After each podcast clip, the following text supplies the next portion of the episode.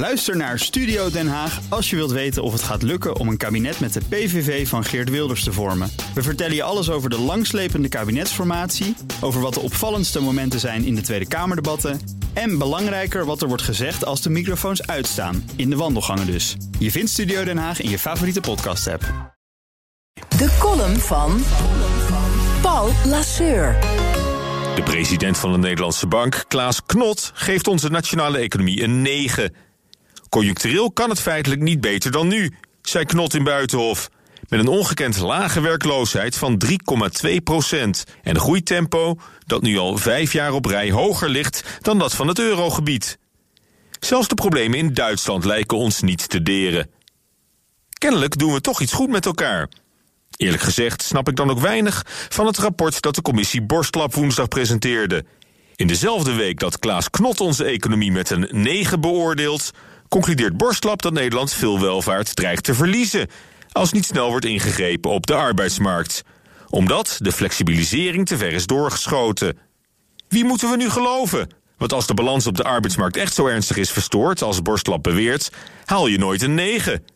Zo hoog scoor je alleen als economisch alles klopt en met elkaar in evenwicht is. Ook de verhouding op de arbeidsmarkt. Mijn advies zou daarom zijn: if it ain't broke, don't fix it. Het echte arbeidsmarktprobleem is ook helemaal niet het verschil tussen vast en flex. De acute krapte op de arbeidsmarkt is een veel grotere uitdaging. Er zijn te weinig werkenden actief om al het werk wat er ligt te kunnen doen. Leraren, verpleegkundigen, IT'ers, we zitten om ze te springen. De oplossing moet onder andere worden gezocht in het meer mensen verleiden om meer te gaan werken. De arbeidsparticipatie moet omhoog. Dat begint er al mee dat jonge vaders en moeders allebei de kans krijgen om te blijven werken. Kinderopvang van 0 tot 12 jaar moet net zo normaal en toegankelijk worden als de basisschool. Het investeren in onze kinderen zou de hoogste prioriteit moeten krijgen van de regering. Niet de hypothetische vraag of een vaste baan beter is dan een flexibel contract. Eerst maar eens zien dat we voldoende werkenden op de been krijgen. Voor de klas of aan het bed. Vast of flexibel maakt dan niet zoveel uit.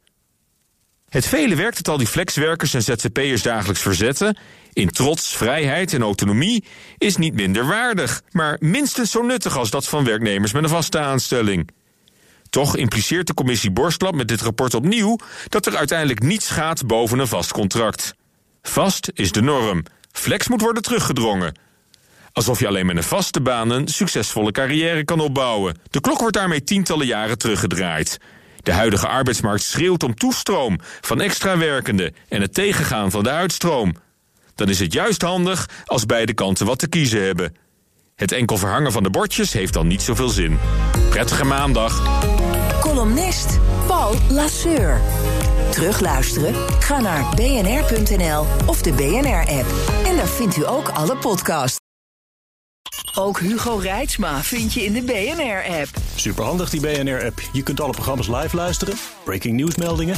Je blijft op de hoogte van het laatste zakelijke nieuws. En je vindt er alle BNR-podcasts, waaronder natuurlijk de belangrijkste, Boeken zijn in de wijk.